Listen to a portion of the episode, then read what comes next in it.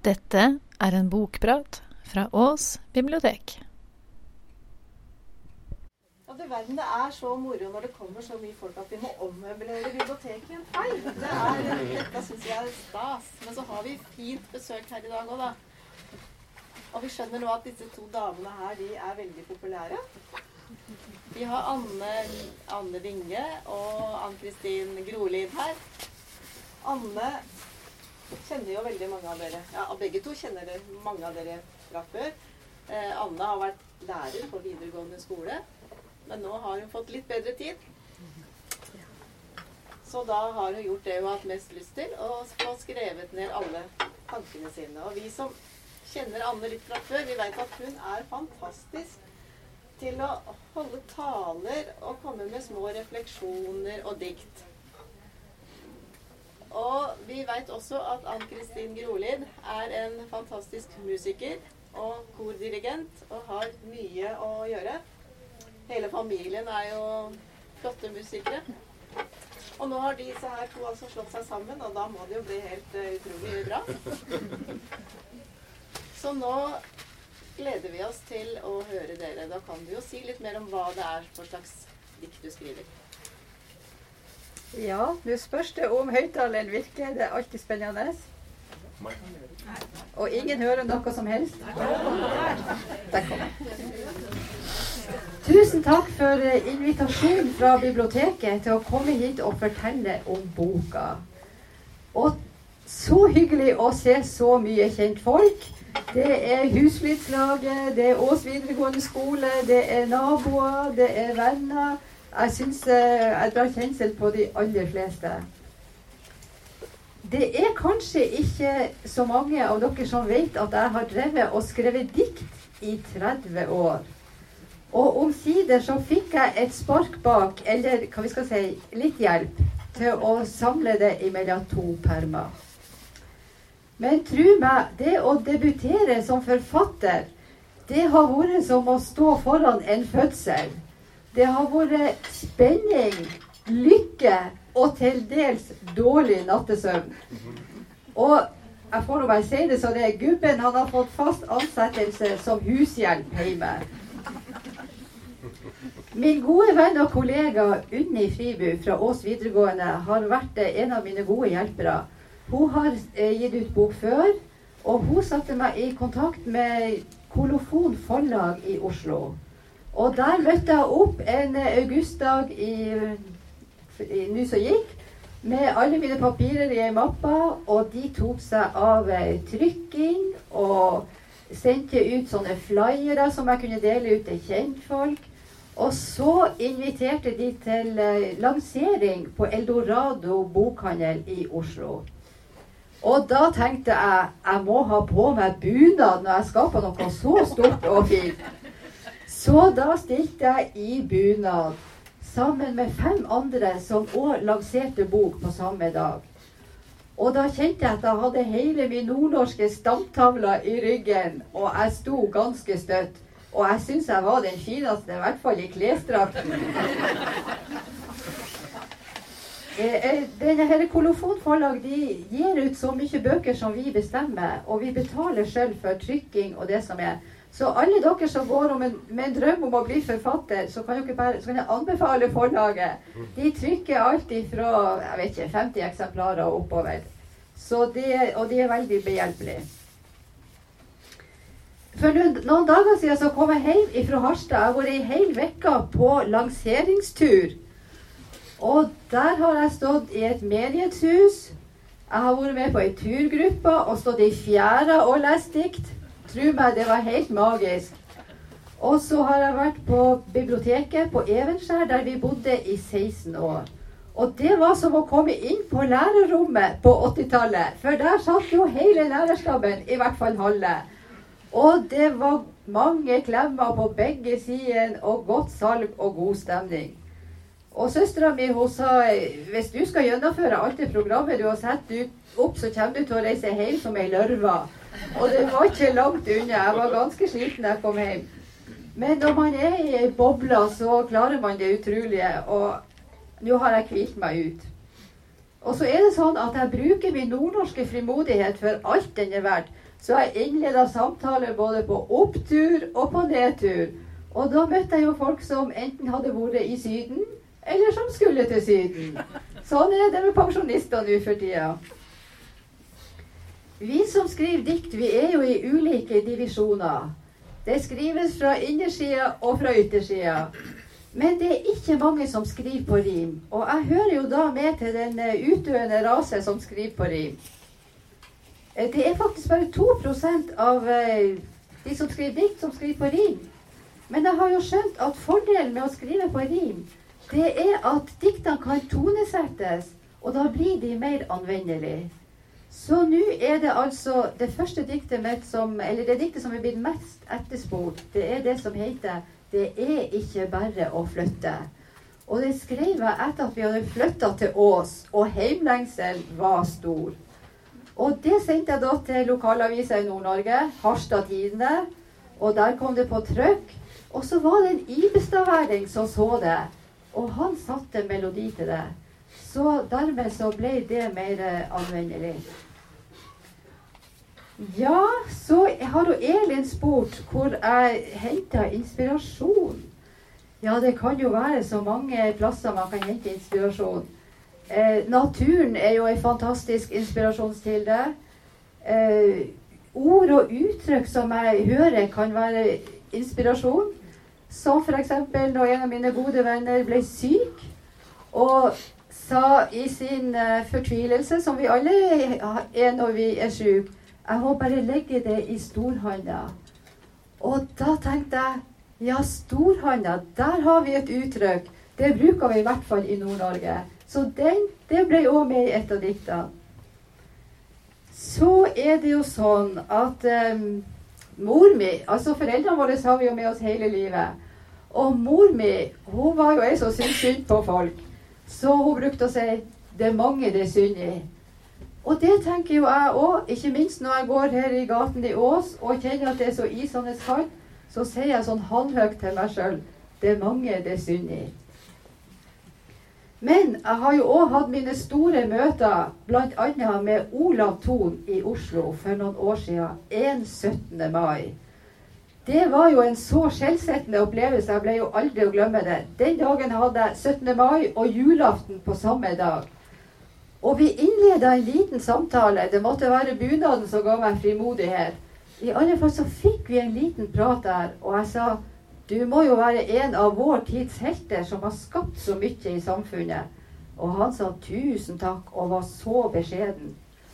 Og jeg var jo helt sprengt da jeg for hjem. Jeg måtte jo bare skrive. Jeg tenkte jeg må skrive dikt til Olav Thon. Og det gjorde jeg. Og så sendte jeg det til hans adresse. Jeg fikk oppgitt på opplysninger hvor han hadde adresse. Og så etter noen dager fikk jeg en konvolutt tilbake. Og jeg tenkte oi, hva er dette? Det sto Thon Holding på yttersida av konvolutten. Og jeg tenkte mitt er det, er det, er det sedler, eller er det noe annet? Men da var det altså ei bok som var gitt ut om Olav Thon i forbindelse med hans 85-årsdag. Eh, og det var eh, Den norske turistforening som hadde gitt ut eh, boka. Og det han lærte meg den dagen på eh, gatehjørnet i Oslo, det var 'Gjør dine gleder enkle'. Det sa Olav Thon. Ja, nå er det sånn, nå skal vi gå i gang med diktene. Og eh, da har jeg på en måte dedikert det første diktet til Arthur Arntzen. Han er jo en fantastisk nordlending som har framsnakka både gudstrua og humoren. Så jeg har jo kjent opp gjennom livet at begge deler har vært gode å ha med seg.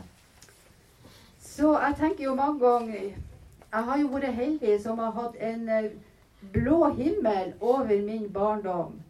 Og bildet på forsida av boka, det er altså av heimbygda mi. Kilbotn heter den. Og det er en av slektningene mine som har vært på en fjelltopp bak og tatt bilde. Og som dere ser, det er en godværsdag.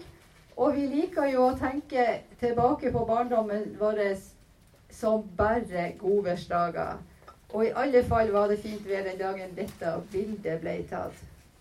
Jeg har jo sagt at uh, far min var lærer, og mor mi var husmor. Hva annet kunne det bli av meg enn en heimkunnskapslærer? Så sånn er det. Sånn er det. Dere skal få lov å stille spørsmål etter hvert på slutten. Så Men nå tenkte at nå starter vi, Ann-Kristin. Er du klar? I dag har jeg jo med meg Ann-Kristin. Hun er jo blitt presentert, og det er helt fint. Og det er kjempefint å ha med Ann-Kristin. Ja, da har vi tenkt det sånn at eh, vi gjennomfører vårt program, og så tar vi applausen til slutt. Så kan dere bare sitte og kjenne på stemninga. Da er det først Guds tru og humor. At gudstru og humor er hjelp mot det meste, er ei erfaring som gjelder de fleste. For livet er sjelden et enkelt prosjekt. Som greiner i vinden kan vi bli knekt. Og om vi er høyt eller lavt på strå, er det begrensa hva vi kan forstå. Nei, ingen av oss har særlig kontroll, og veien er kort mellom dur og moll. Ei trøst er å tru på ei hand i det høye, der vi kan legge vårt strev og vår møye. Det hjelper så lite å bare fortvile. Langt bedre det virker å kalle fram smilet. Med gudstru og humor kan vi lette vår bør, og kanskje vi ser at der åpnes ei dør.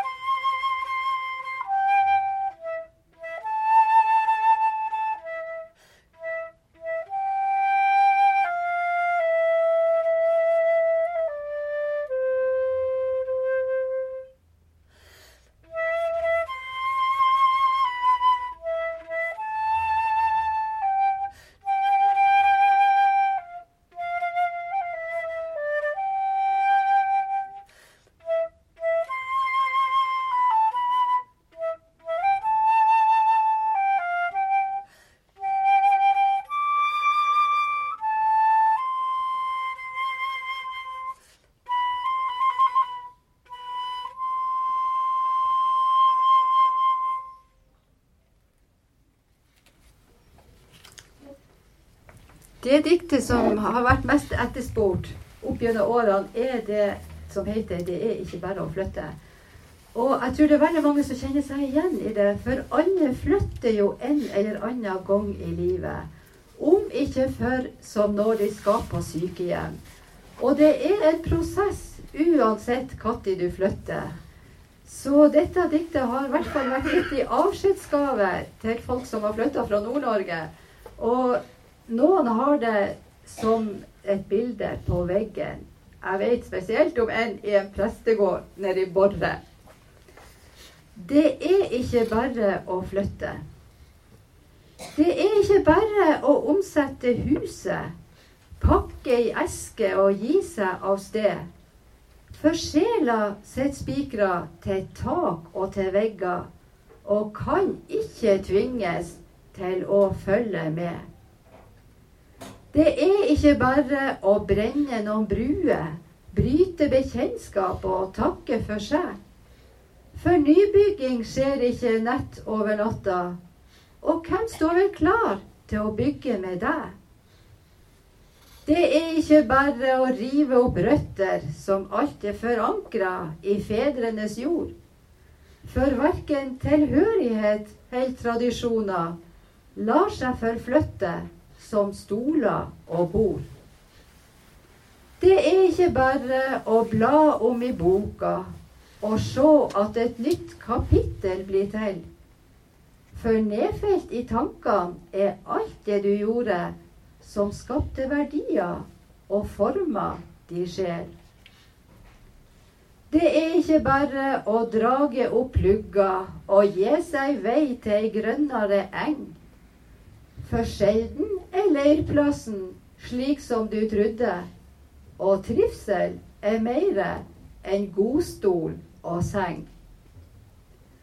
Det er ikke bare å bryte nytt lende mot de horisonter som frister et sted. Man gjør den erfaring i livet, kan hende, at røtter er røskende tung å dra med.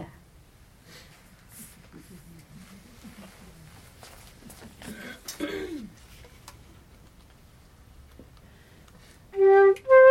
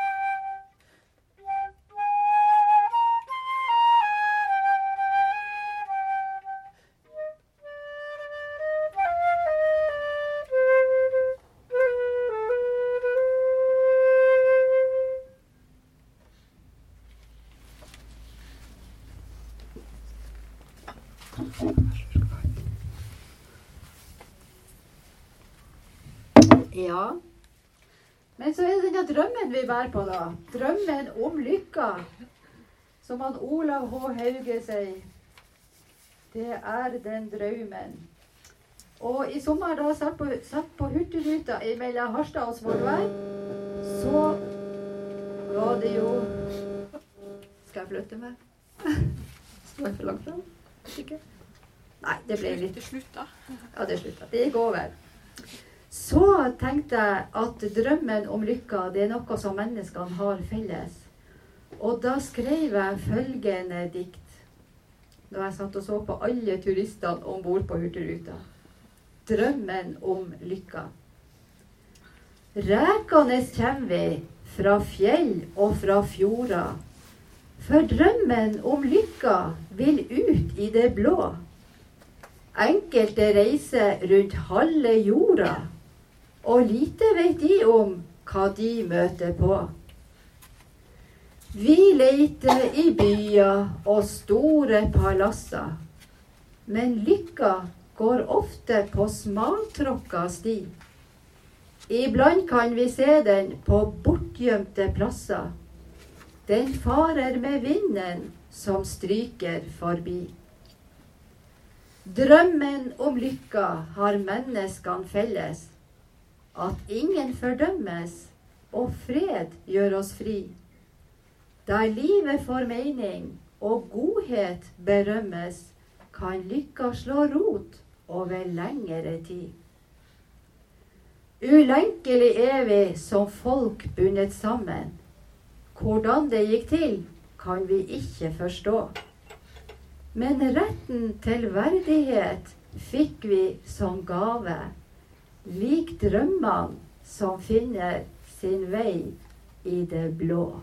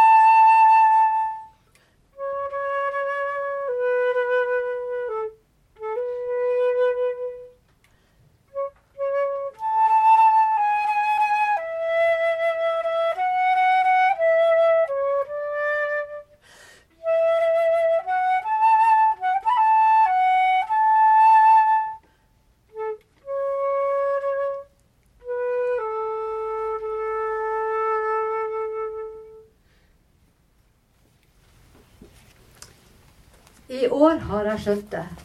Alle nordlendinger har et forhold til Seimølja. Vi hadde altså søskenbarntreff i Harstad. Vi var syv søskenbarn som møttes med ektefelle. Og da var det sånn Nå lurer jeg på om jeg skal stå lenger bak eller lenger fram. Da var det sånn at det de spurte etter, disse her som hadde vært i Nord-Norge som unger og ungdommer og besøkt besteforeldrene våre, det var seimølja. Og vi var på byens fineste restauranter. Men tror dere de var fornøyd? Nei, det var seimølja de ville ha. Og seimølja for en nordlending, det å fare ut på fjorden en sommerkveld, fiske sei, fare hjem eller sitte i fjæra og koke fisken og spise den. Er jo så fersk at den er jo eh, blodfersk, sier vi i Nord-Norge. Og så er det lever og flatbrød som hører med. Så jeg måtte jo bare fare hjem og skrive et dikt om seimølja. Det var ikke noe annet råd. Så dette er spesielt til nordlendinger som eh, vet hva seimølja er. Ei seimølja en sommerkveld er ikke å forakte. Med flatbrød, fisk og lever, den mengde du kan makte. Og fisken er så blodfersk at den vrenger seg i skinnet. Mere kortreist mat kan du faktisk ikke finne. Når sola skinner og måsen skrik fornøyd ut i en fjord, da veit du at en fjærstein kan bli til et feststemt bord.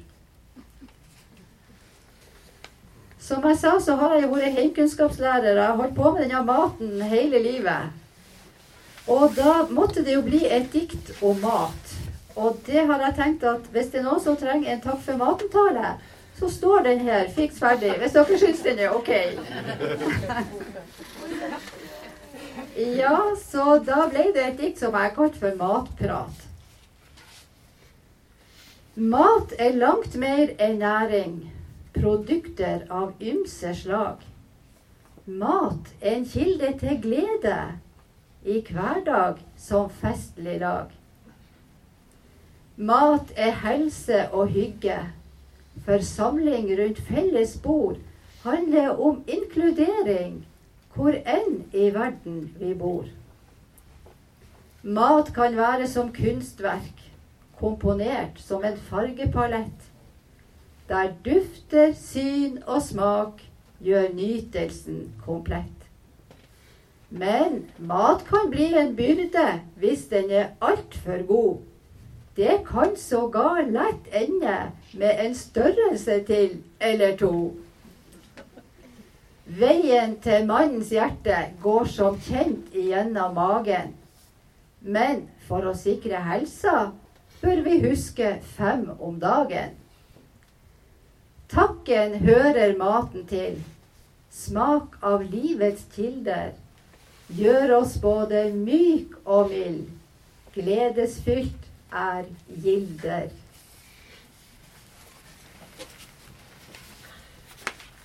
Alt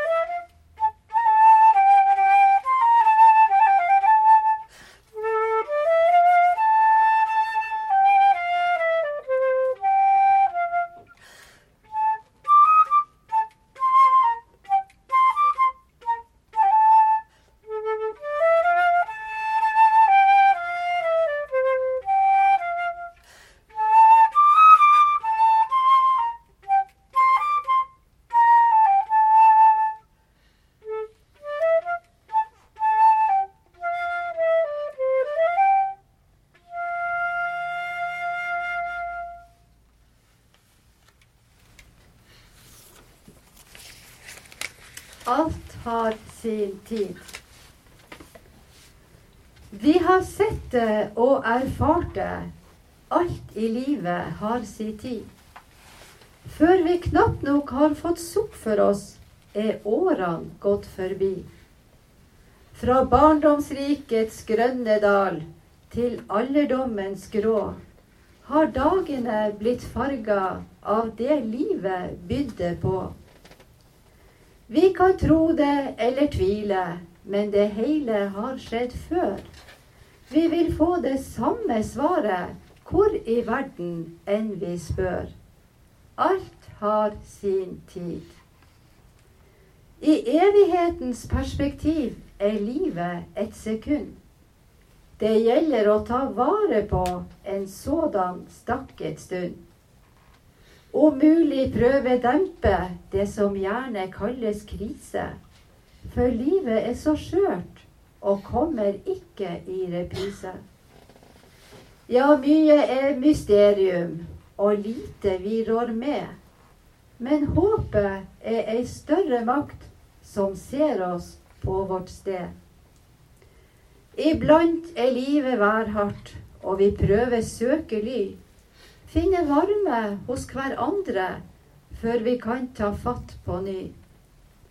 Kan hende du, kan hende jeg, vil trenge til en krykke.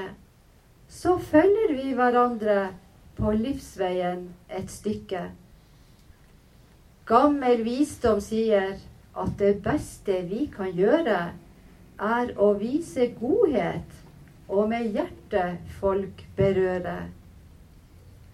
Alt har sin begynnelse, og allting har en ende. Og livets drøm kan ingen snu, og ingen krefter vende.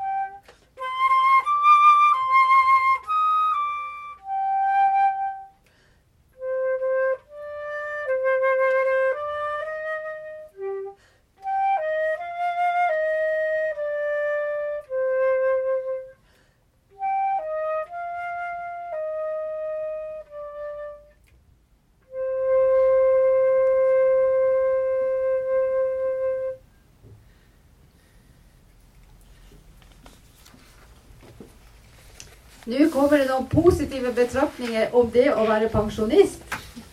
Det er jo fantastisk å være pensjonist og få ligge så lenge man vil om morgenen.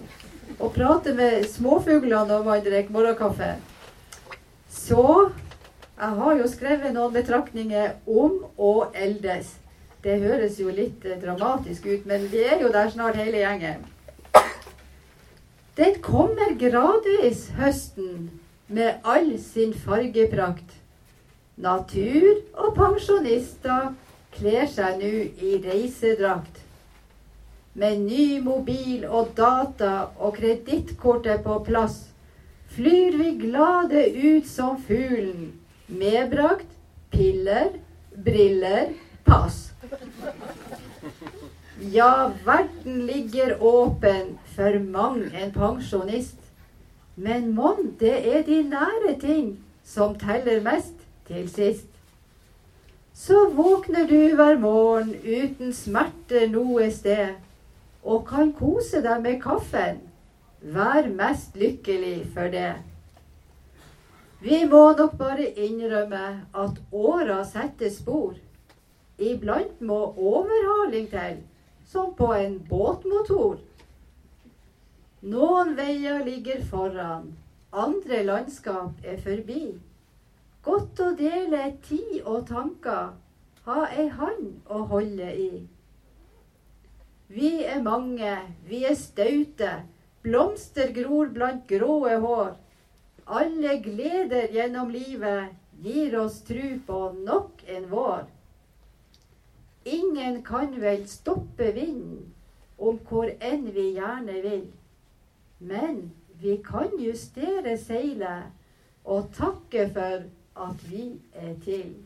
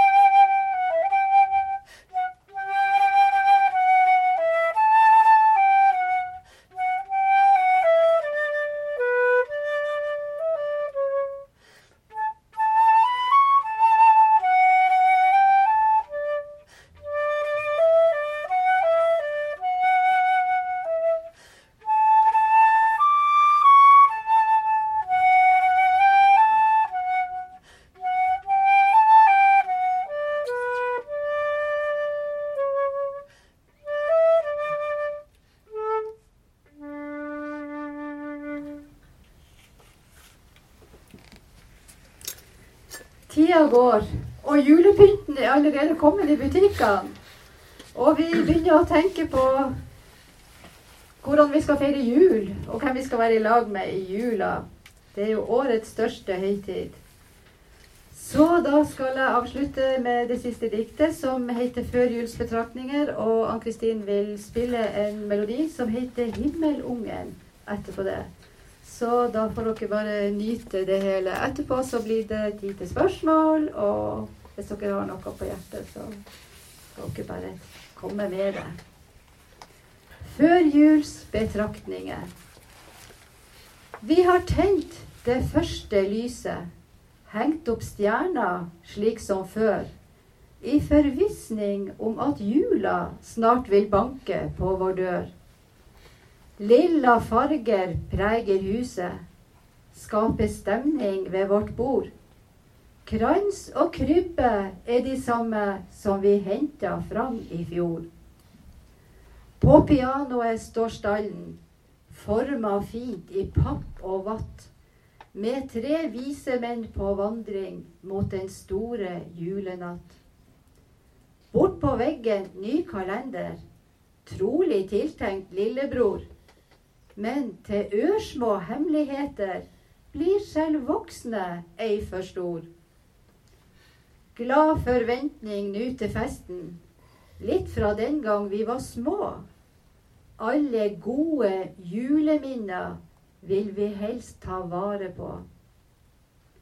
Snart vil lukte fylle huset, pepperkake, sylte, rull. Noen dager trenges ennå for at boksene blir helt full. Duft av såpe, skurepulver, salmiakk og ekte lut. For til førjulsstemning hører både vaskekost og klut. Sølvtøy hentes frem og pusses. Duken trenger kanskje vask. Vi skal pynte kransekake, kjøpe tre og lage knask.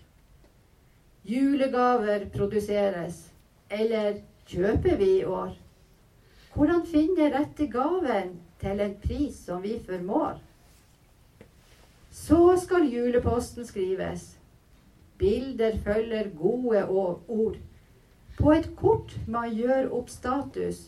Litt justering fra i fjor. Hender rekkes over grenser. Lyset tennes i vårt sinn. Mørket viker. Håp og glede skapes i et førjulsskinn. På så mange gode måter bæres arven atter frem. Synlig gjennom tradisjoner blir en stall i Betlehem.